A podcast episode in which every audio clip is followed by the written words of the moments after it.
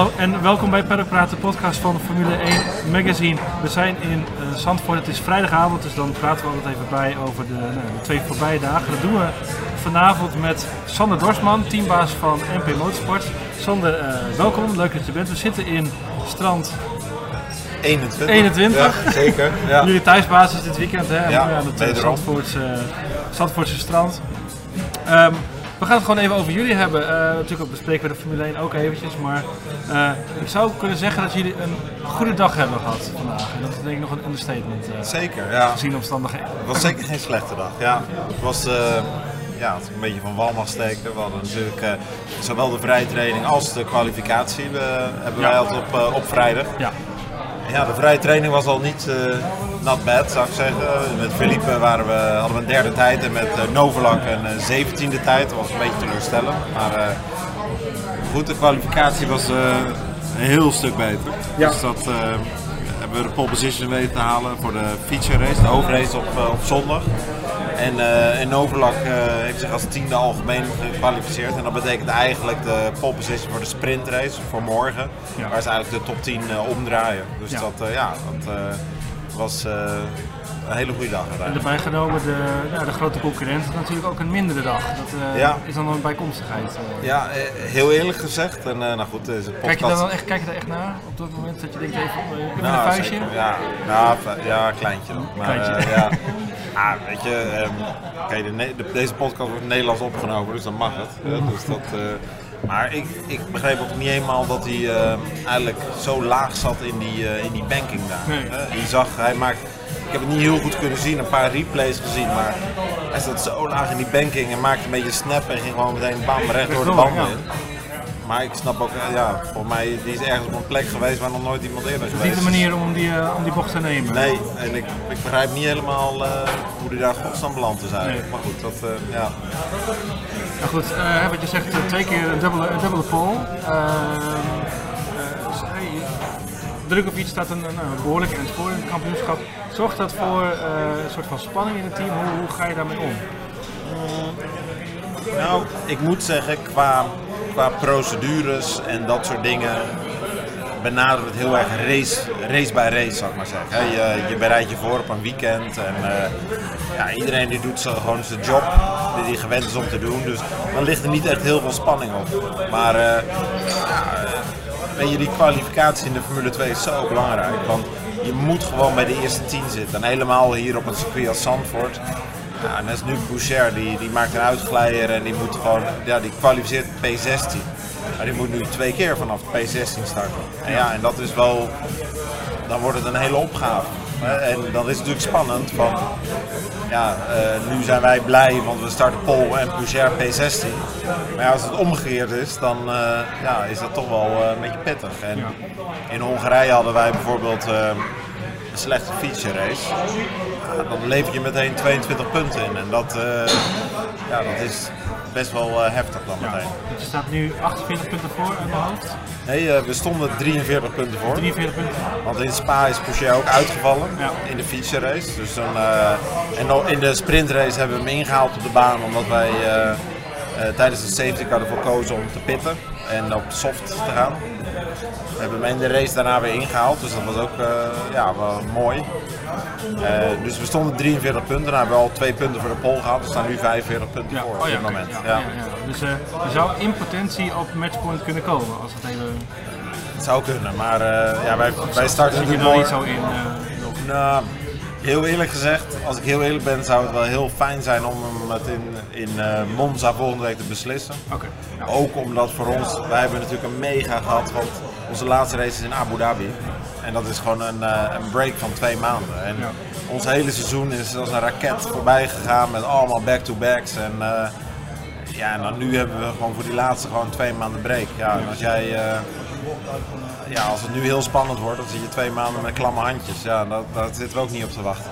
Nee. En, eh, in, de, in de lagere opstapklassen hebben jullie natuurlijk wel al successen gehad. Het is voor het eerst volgens mij dat je in de Formule 2 zo prominent boven meedoet. Natuurlijk heb je je, je races gewonnen, maar echt eh, die kampioensdruk. eh, maar hoe, hoe, merk je in de paddock dan ook? Hè? Wordt er dan ineens anders naar je Ja, gekeken? Ze, ze Of, eh, ons. Ja. Nee, nee, dat, eh, Wordt het ook Nou. wel een beetje gegund? Hoe- Nou, zeker. Weet je, ik bedoel, ehm, ik, ik moet zeggen in de Formule 2 en Formule 3 paddock, dat is altijd een goede sfeer. Hè? Dat is altijd, eh, gewoon altijd een optimistische sfeer onder de, onder de teams. En, eh, dus ja, dat wordt ons zeker gegund. En, eh, ik, ik, ik zou als voorbeeld bijvoorbeeld, wij wonnen in 2019 wonnen we de eh, F3 World Cup in Macau.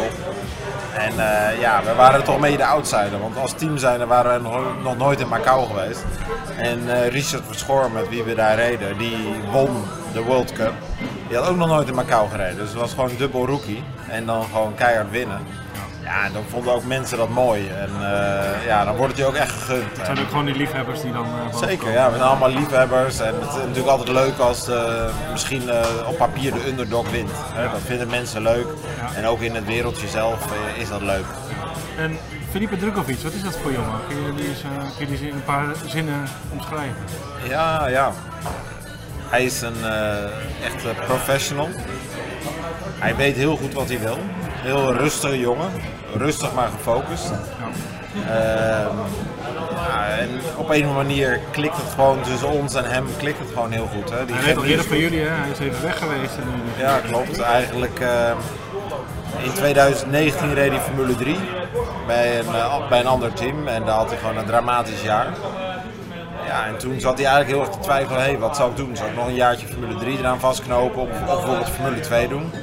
Dat heeft hij bij ons getest en dat ging meteen al heel goed. En, eh, en wij dachten van, hé, hey, dit is leuk om hem, eh, ja, dit klikt goed. En ehm, toen hebben, heb ik eigenlijk een keer met hem s'avonds gegeten en ook gezegd van, eh, van, van hé, hey, eh, wat zou je ervan vinden als we gewoon dat avontuur aangaan? Hè? En, eh, en, en, en dat was gewoon, ja, dat, dat klikte van twee kanten goed. En eigenlijk hadden we binnen een avond hadden we een deal gemaakt van kom, let's do it. We, gaan gewoon, eh, we gaan gewoon de F2 doen volgend jaar samen. Ja, en dan, dan denk je, hey, we hebben een hele goede test gehad. Eh, je gaat de winter in, dan ga je je voorbereiden. En ja, dan ga je een COVID-periode in, waar hij eigenlijk grappig genoeg een paar maanden in Nederland gewoond heeft. Want Nederland was natuurlijk alles net even wat meer open dan in Italië, waar hij normaal woont. Hè? Want daar wa- waren mensen echt gewoon opgehopt. We ons heel goed kunnen voorbereiden en gewoon de eerste race hebben we gewoon keihard gewonnen.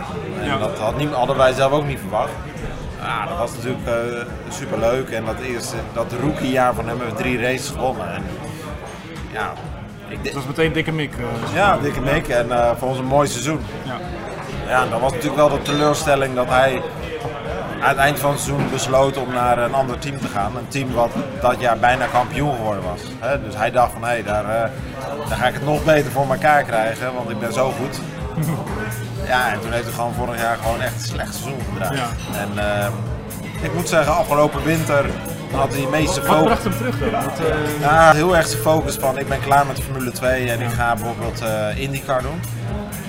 En toen hebben wij echt, eh, ja, we hebben alle registers opengetrokken om hem over te halen om terug te komen. Maar joh, ook een beetje onder de tactiek van ja, je kan nu naar IndyCar gaan, naar een B-team. ja. Maar ja, dan begin je al meteen op een achterstand. Hè? En misschien kan je beter zeggen van kom, kom terug met ons. We gaan gewoon keihard proberen kampioen te worden.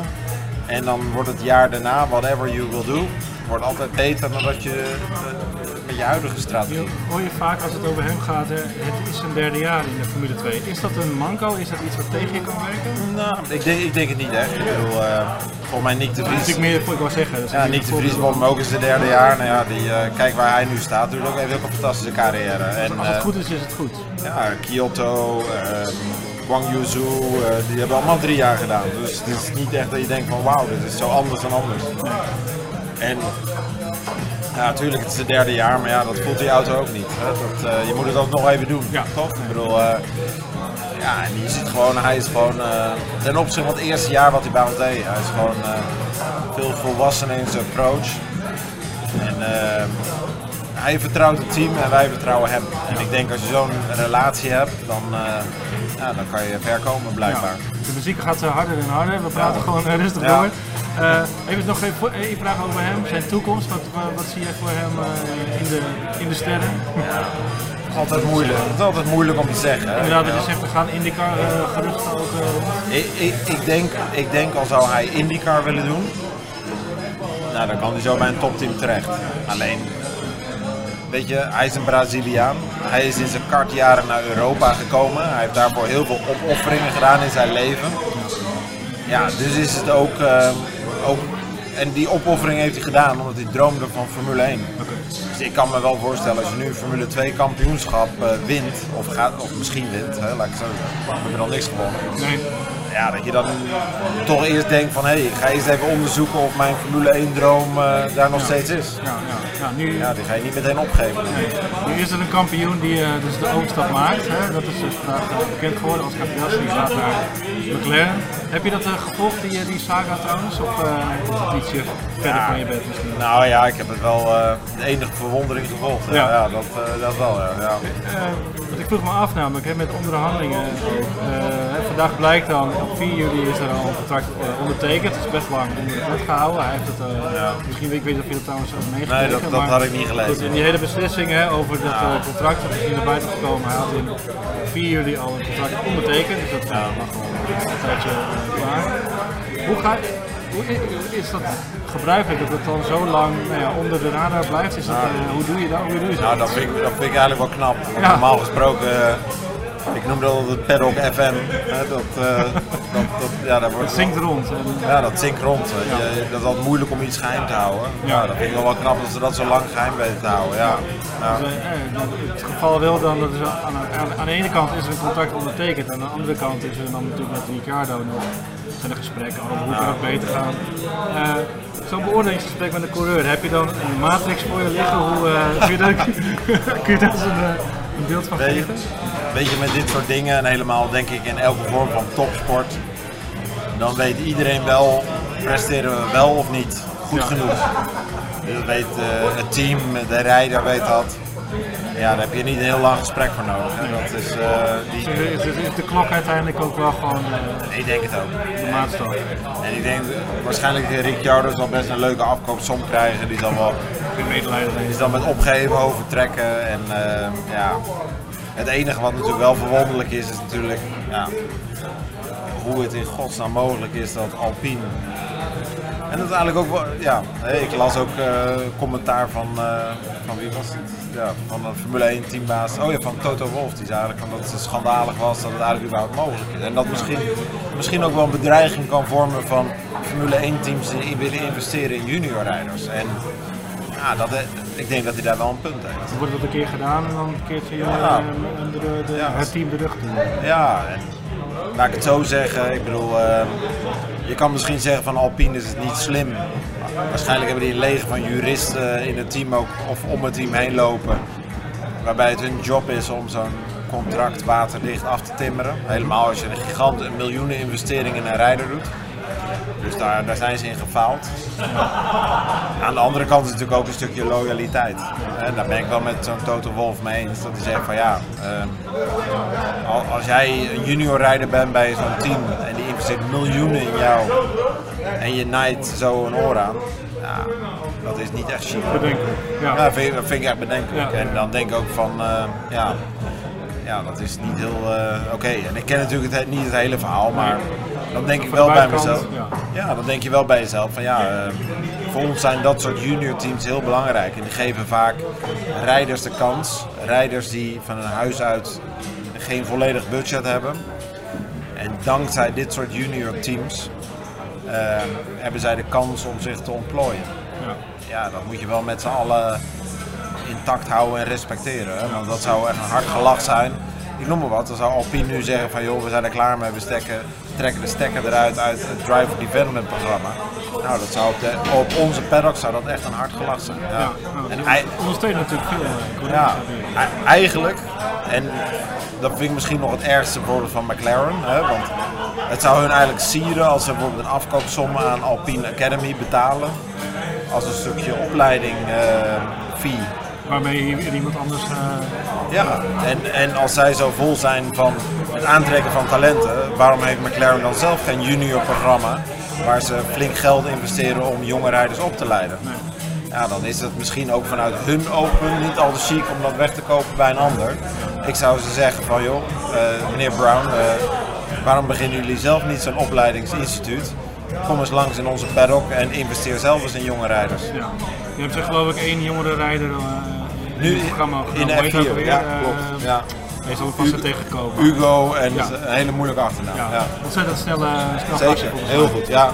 Maar goed, bouw dat dan verder uit. En, eh, zodat je niet eh, weg hoeft te pikken van een ander juniorprogramma. Dat je ze uit eigen kweek kan halen. Dat zou toch iets meer sieren, denk ik. Wat ik nog even nieuwsgierig was naar, naar was, eh, qua feedback naar coureurs toe. Jij gaat natuurlijk veel met jongere jongens om. Pak je dat anders aan dan, met je, dan als je met een oudere jongen zou doen? Of Ja, meestal wel. Maar ietsjes, met meer fluwelen handschoenen? Of eh, wil iets van jongen misschien meteen eh, breken? Eigenlijk is het grappig. wij, runnen eigenlijk teams in eh, voor Formule 4. Dan gaan ze naar Formule Regional, Formule 3, Formule 2. Maar bijvoorbeeld een rijder in de Formule, Regional, eh, in de Formule 4 rijdt. Ja, dat zijn bijvoorbeeld eh, kids van rond eh 14, 15, 16. Ja, die zijn natuurlijk, daar werk je heel anders mee dan eh, iemand in de F2 van een jaar of eh, 20 of iets Die ouder. gesprekken doe jij ook voor de, de F4? Of? Eh, soms, soms wel. Soms wel, ja. Eh, ik bedoel, laat ik het zo zeggen, in de contractuele fase wel. Ja, oké. En dan vervolgens in het seizoen, ja in het seizoen dan praten ze natuurlijk met hun engineers. Alleen natuurlijk als jij eh, net de autosport in komt, je bent nog een beetje bleu, je bent, eh, je bent 15 jaar, ja dan ben je natuurlijk mentaal lang niet zo ver als iemand die in de F2 rijdt. Dus op het gebied van eh, coaching van dat soort rijders, ja, werkt dat wel heel anders.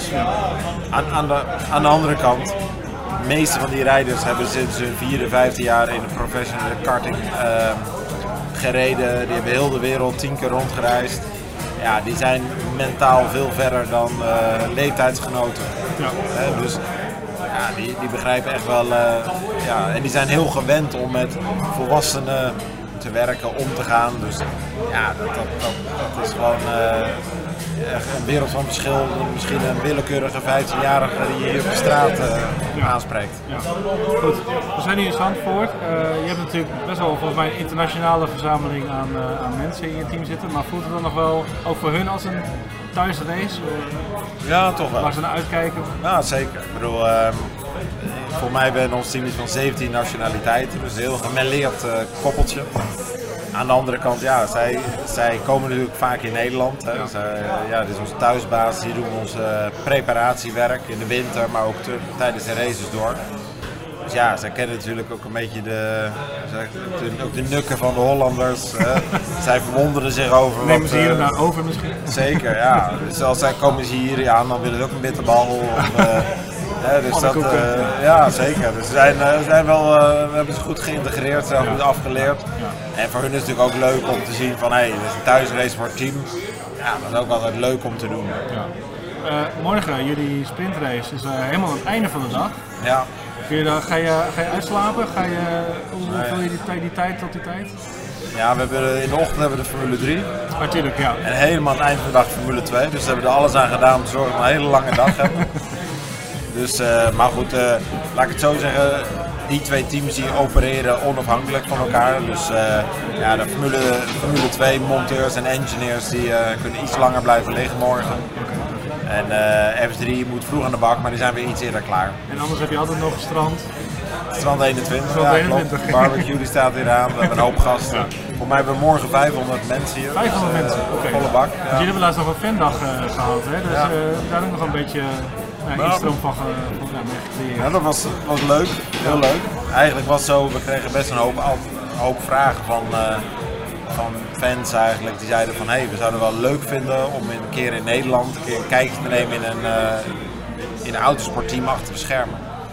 Ja, dat komt natuurlijk niet altijd eh, even goed uit, we zijn een hoop onderweg. En Ja. eigenlijk onze marketingteam dacht van, hé, hey, zullen we gewoon eens een keer de deuren opengooien in de Kijken wie er komt, ja. Ja, kijken of er, eh, of er nog iemand langs zou willen komen. En nou, dat, eh, daar hebben we ons nog een beetje op gekeken, want het was eh, een hele volle bak. Maar het was heel erg leuk. En ja, dat willen we eigenlijk volgend jaar eh, zeker weer Ik zeggen, voor wie je dat gemist heeft, daar komt vast weer een nieuwe kans dus. Ja, leuke sfeer. En ja, het was gewoon leuk om, ja, om zoiets terug te doen voor eh autosportliefhebbers in Nederland. En dat wordt er ook steeds meer. En dan volgend jaar wellicht met een mooie kampioensbeker. Eh. Ja, ik hoop. Even afkloppen, maar, Even eh, afkloppen, ja. we nog drie weekenden. Nog drie weekenden, Ja, tweeënhalf. Maar eh, ja. Heel erg bedankt. Ehm, dan gaan we, zijn we ook aan het einde gekomen van Paddock Praat. Eh, Hou in de tussentijd onze site in de gaten voor het laatste nieuws, Formule1.nl. En dan melden we ons met een nieuwe aflevering op maandag. En dan gaan we het hele weekend weer uh, nou ja, nog even beschouwen. En dan zeg ik voor jullie bedankt voor het luisteren en tot de volgende.